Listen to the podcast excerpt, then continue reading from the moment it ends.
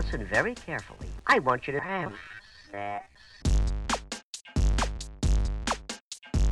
Now. And when I say now, Promise I will not judge any person. yes. Ah, yes. Ah, yes. Ah, yes. Cześć, z tej strony Nat, czyli Twoja zaufana sekspertka, a to jest Nat i Seks. Podcast o tym, że życie jest zbyt krótkie na kiepski seks. Odcinek 68. Nowy związek, stare rany. Hej, hej. Miło mi znów gościć w Twoich dziurkach usznych i mam nadzieję, że cieszysz się na to spotkanie tak samo jak ja. W tym odcinku, który nie będzie poświęcony stricte seksowi, seksualności, postanowiłam poruszyć temat starych ran, które odzywają się w nowych relacjach i też podpowiedzieć, co można z tym fantem zrobić. Dlatego bez QA. Natomiast jeśli chcesz uzyskać odpowiedź na pytanie dotyczące sfery seksu, lub chcesz, abym skomentowała jakąś palącą cię kwestię na łamach tego podcastu, możesz przesłać wiadomość na adres sexcast.proseksualna.pl lub dołączyć swoją wiadomość do mikrodonacji w serwisie Coffee lub Buy Coffee. E-mail oraz wszystkie linki znajdziesz w opisie odcinka i tam cię odsyłam. Zatem do dzieła. Nie wiem, czy znasz tę sytuację, być może tak w końcu słuchasz tego odcinka, że jesteś w nowym związku i nagle druga osoba robi lub mówi coś i wtedy bum. Odzywają się jakieś myśli i emocje, które były żywe w poprzednich relacjach. Na poziomie odczuć i emocji wracasz do sytuacji, w których ktoś, kogo niekoniecznie wspominasz z czułością, postąpił w bardzo podobny sposób. I niby zdajesz sobie sprawę, że to nie to samo, bo od tamtej relacji dzieli cię i czas, i odległość fizyczna, i na logikę zdajesz sobie sprawę, że ta osoba, która teraz jest w jednym pomieszczeniu z tobą, nie jest tamtą osobą, a mimo to otwierają się jakieś stare rany. Być może zastanawiasz się w efekcie, czy od tej pory ta osoba, z którą jesteś teraz, będzie zachowywać się tak jak tamta. Być może wzrasta Twoja czujność na płynące od niej sygnały, na jej zachowania. Być może zastanawiasz się, czy i jak dać znać nowej osobie, z którą na tym etapie darzycie się ciepłymi uczuciami, jak dać jej znać, że dotknęła bardzo wrażliwego miejsca. Być może pojawiają się takie pytania, czy zdjąć w cudzysłowie zbroję i potencjalnie zaryzykować zranieniem. W końcu jakaś informacja o starych ranach może być bardzo osobista, może odkrywać nasze miękkie podbrzusze. Czy może decydujesz się na wzmocnienie tej zbroi, aby cios, który przyjdzie niespodziewanie w przyszłości, bolał cię mniej? I co mam na myśli używając tej metafory? Mianowicie to, że wiele osób wchodzi w relacje romantyczne, mając na swoim koncie raniące i bardzo trudne doświadczenia. I mogą one oczywiście mieć swoje źródło zarówno w latach najmłodszych, mogą mieć swoje źródło w rodzinie pochodzenia, w domu, w dzieciństwie, czy w poprzednich relacjach. I bardzo często te zranienia prowadzą do tego, że mniej lub bardziej świadomie robimy coś, aby uniknąć ich powtórzenia. Na przykład stronimy od konkretnego typu osób lub zmieniamy coś w swoim zachowaniu. I po raz kolejny, mniej lub bardziej świadomie, wybieramy bardzo podobny typ osób, aby w jakiś sposób dokończyć niedokończone sprawy. Skąd możemy wiedzieć, że w nowych relacjach, po czym możemy to poznać, że otwierają się w nich, odzywają się stare rany? Miernikiem może być tu sytuacja, w której nasza reakcja emocjonalna jest nieproporcjonalna do tego, co się wydarzyło. I to może działać w dwie strony. Jeden wariant to wyolbrzymienie, czyli usłyszenie jakiegoś zdania, jakiegoś słowa, zobaczenie czegoś i fru poszła cała zastawa, bo zaczynamy rzucać talerzami. Ale może też pojawić się tu minimalizowanie, czyli na przykład odkrywamy czyjąś drugą sekretną rodzinę, sekretny związek i uznajemy, że to przecież nic takiego. Zdaję sobie sprawę, że te przykłady są dość ekstremalne, bo mimo wszystko znacznie lepiej jest każdą taką dynamikę i każde takie zajście traktować jednostkowo. Natomiast tutaj bardzo patologicznie chciałam przytoczyć, jak może wyglądać nieproporcjonalność takiej reakcji i oczywiście tutaj takim wyznacznikiem jesteśmy my sami lub same to my wiemy, co jest dla nas, powiedzmy, nieproporcjonalnie wyolbrzymioną lub zminimalizowaną reakcją. I zawsze podkreślam w takich sytuacjach, że związek jest relacją wymiany. Dwie osoby, które go tworzą, czasami więcej osób oczywiście, oddziałują na siebie na różne sposoby. I mogą to być sposoby, które wspomagają rozwój, jak i takie, które ciągną nas w przeciwnym kierunku. I zdarza się, że niektórzy ludzie zadają sobie pytanie, jak to jest możliwe, że dana osoba w nowej relacji, choć być może nic się w niej nie zmieniło, funkcjonuje znacznie lepiej lub oczywiście znacznie gorzej niż zazwyczaj. No właśnie dlatego. Dlatego, że relacja to jest osobny mikrokosmos, osobne środowisko i nasze w nim funkcjonowanie polega na odpowiadaniu na to środowisko. I coś w tym środowisku, które się tworzy, coś w tej dynamice sprawia, że jakieś nasze cechy, jakieś nasze zachowania, jakieś nasze odczucia ulegają wzmocnieniu.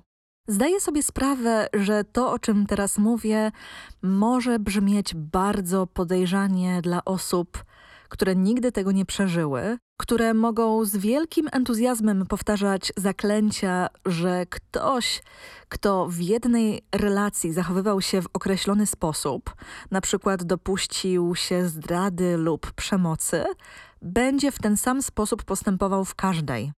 I oczywiście tutaj są różne schematy, natomiast to nie jest takie proste. I podam swój przykład, i to będzie bardzo osobista historia, że sama dawno, dawno temu byłam w bardzo krótkiej, ale burzliwej relacji. I o ile na co dzień uważam się za osobę dość wyważoną i spokojną, to w tym związku dosłownie nie poznawałam siebie. I tutaj, kiedy myślę o tym okresie, pojawiają się różne słowa, które niekoniecznie są poprawne i których nie będę tutaj używać. Natomiast co tutaj się zadziało, to to, że druga osoba wniosła do tej relacji tak dużo swoich ran i wynikających z nich sposobów postępowania, a co za tym idzie też tworzenia relacji, łączenia się z innymi ludźmi. Ja też przy okazji wniosłam całkiem sporo swoich kawałków, że doprowadziło to do sytuacji, w której stworzenie wspierającej, stabilnej przestrzeni było zwyczajnie niemożliwe. Oczywiście ja też tutaj biorę poprawkę na to, że ta relacja miała miejsce, kiedy jeszcze ani w przypadku moim, ani w tej drugiej osoby rozwój kory przedczołowej jeszcze się nie zakończył, co też tutaj oczywiście ma znaczenie, ale co mogę powiedzieć, to to, że dziś widzę, że w odpowiedzi na zachowania tej osoby byłam, i jest to cholernie trudne wyznanie, sprawczynią reaktywnej przemocy w postaci wrzasków, trzaskania drzwiami, rzucania przedmiotami, cichych dni czy porzucania i celowego izolowania tej osoby po to, aby ją ukarać. I tutaj użyłam takiego sformułowania przemoc reaktywna. Przemoc reaktywna to ten rodzaj przemocy, który powstaje w odpowiedzi na czyjeś zachowania przemocowe.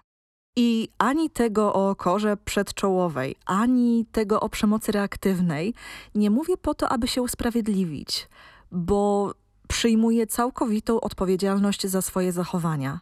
Moim celem jest raczej użycie własnego przykładu po to, aby wytłumaczyć, jak to może funkcjonować, jak ten mechanizm może działać, że czasem jakieś reakcje wychodzą z trudnego miejsca, w tym z niezaspokojonych potrzeb.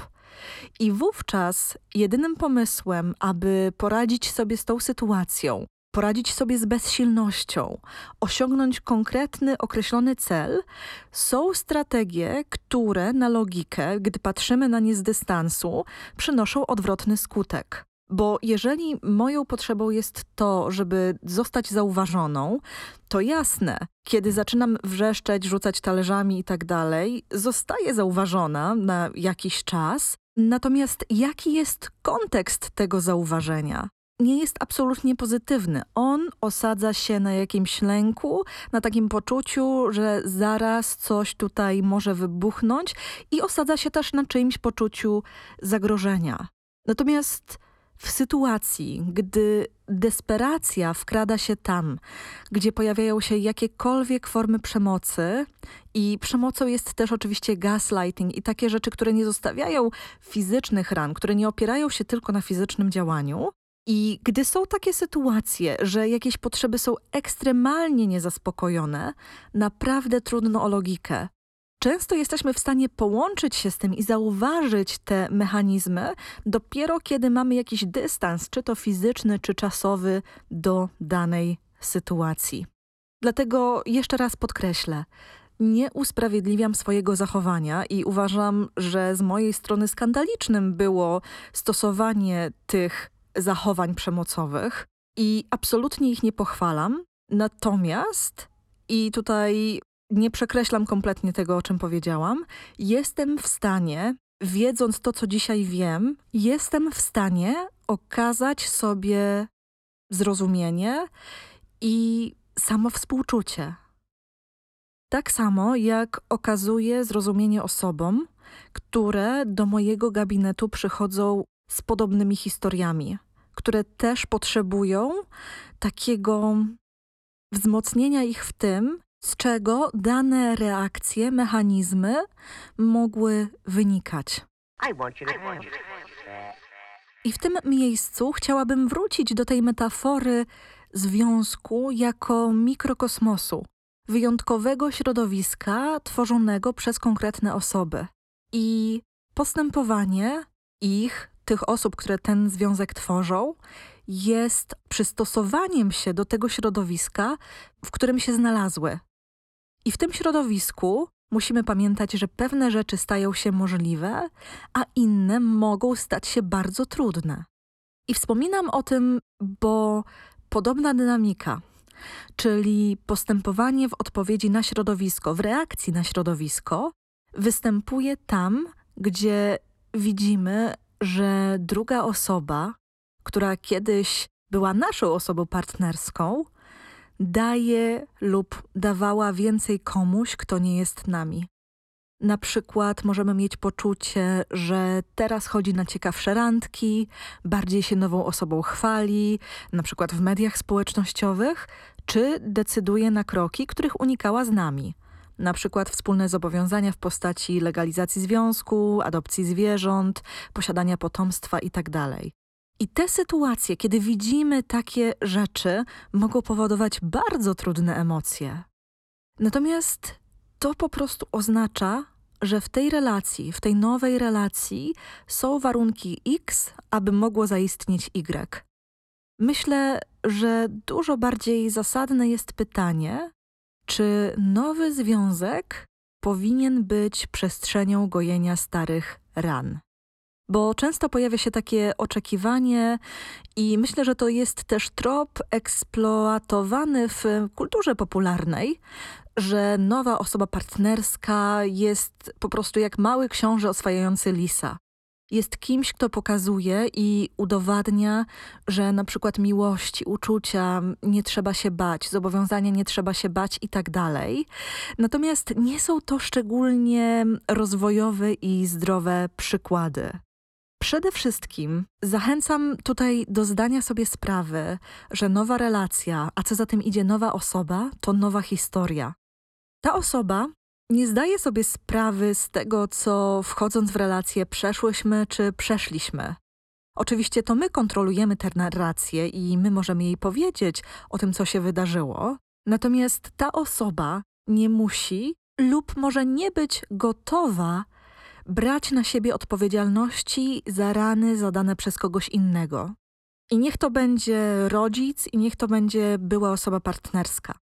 Mam na myśli to, że nie jest fair wymagać od niej, że nigdy nie powie czy nie zrobi czegoś, co będzie raniące, lub że będzie intuicyjnie wiedziała, jakie rejony czy jakie zachowania są absolutnie zakazane w naszej obecności.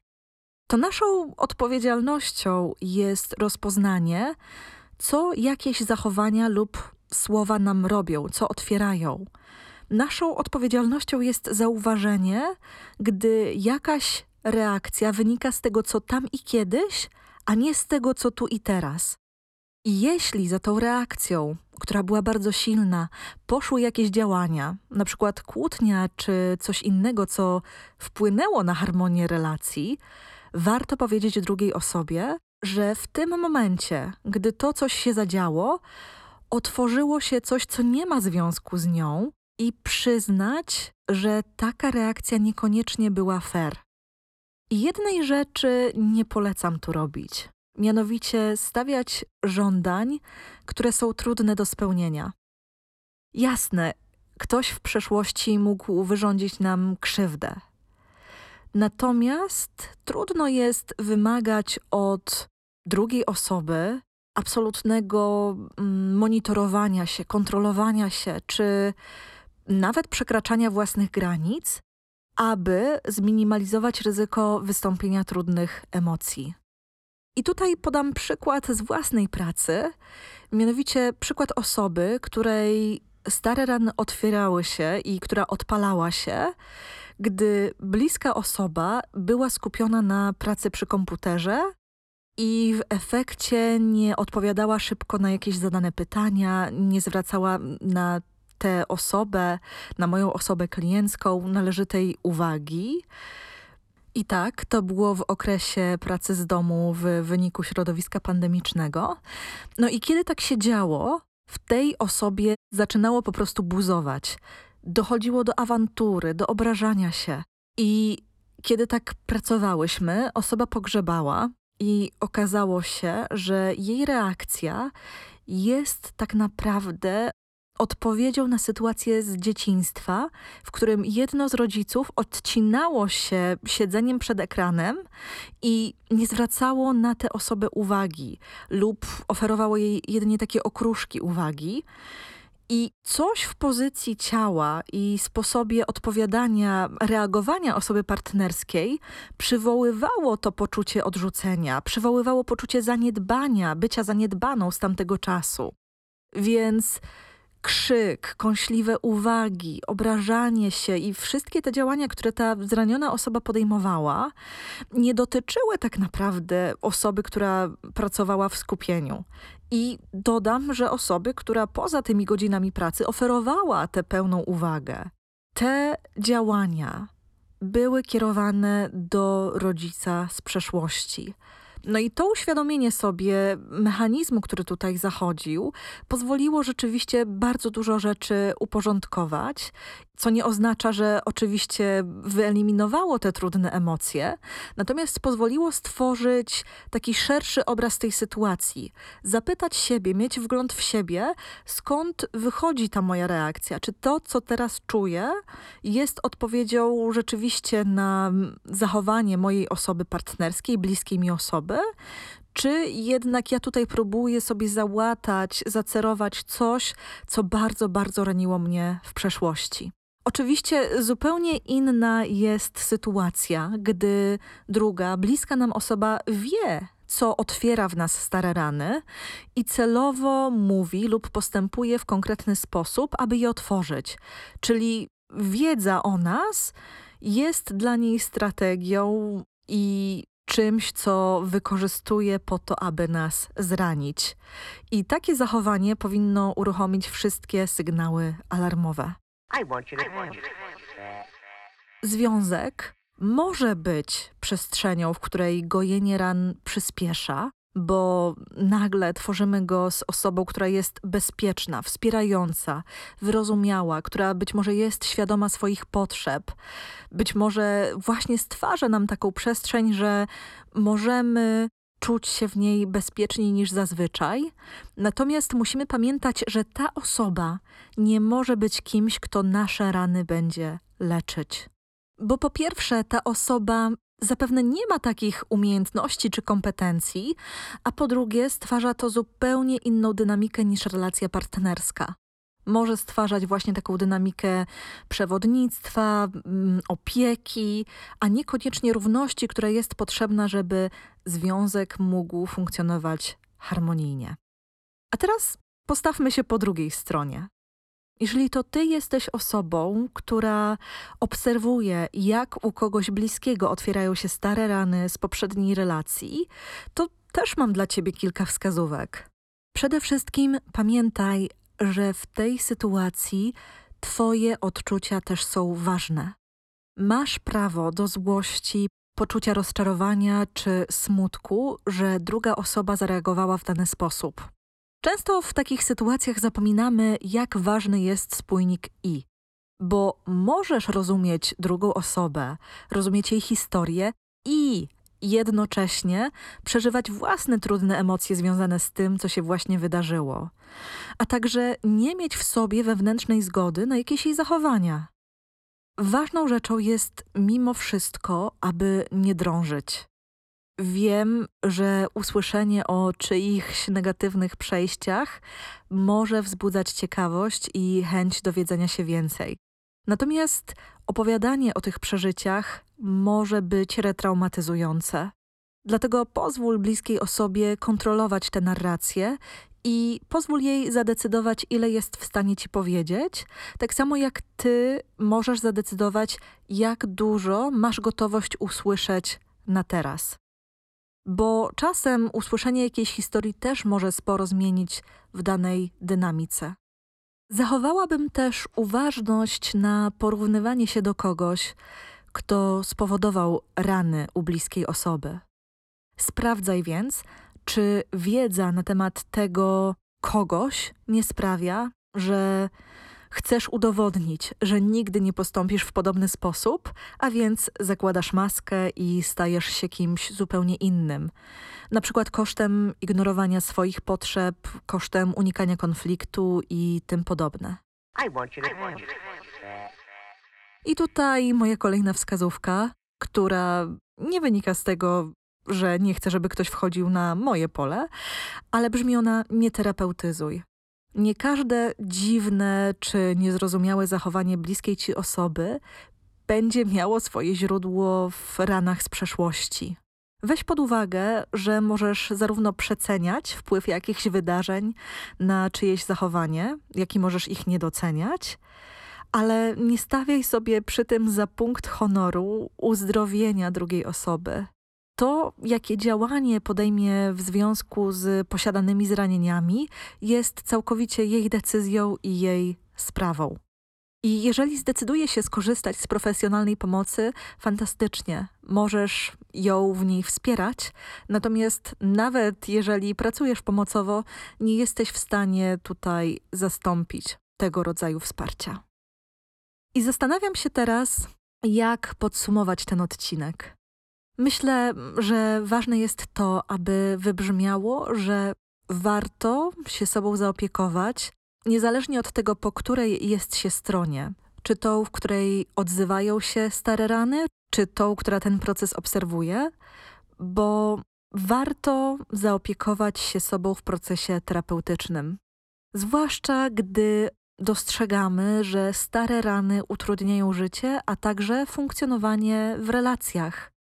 Bo bardzo często okazuje się, że gdy uświadamiamy sobie, że związek to też praca, relacja romantyczna to też praca złożona z różnych odczuć i wspólnych doświadczeń, pielęgnowania tego wspólnego mikrokosmosu, może okazać się, że trudów robi się tutaj za dużo. Nie oznacza to bynajmniej, że relacje, uświadomiwszy to sobie, należy zakończyć, czy nie tworzyć związków, zanim nie poukłada się historii z przeszłości.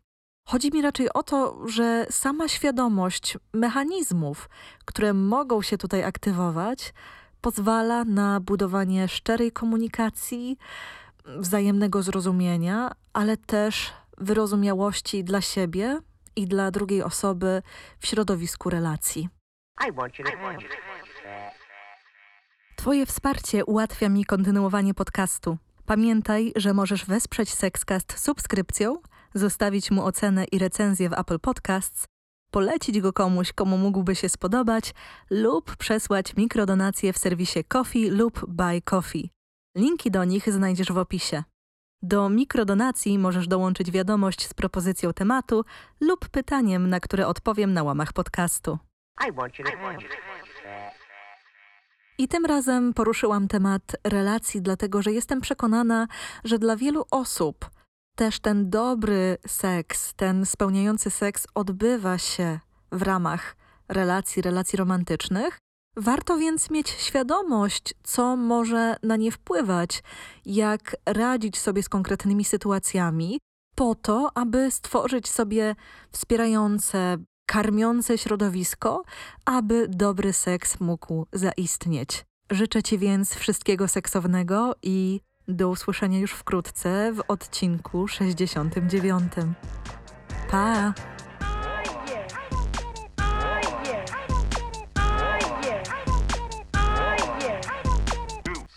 It's very important and very fun also to. Now,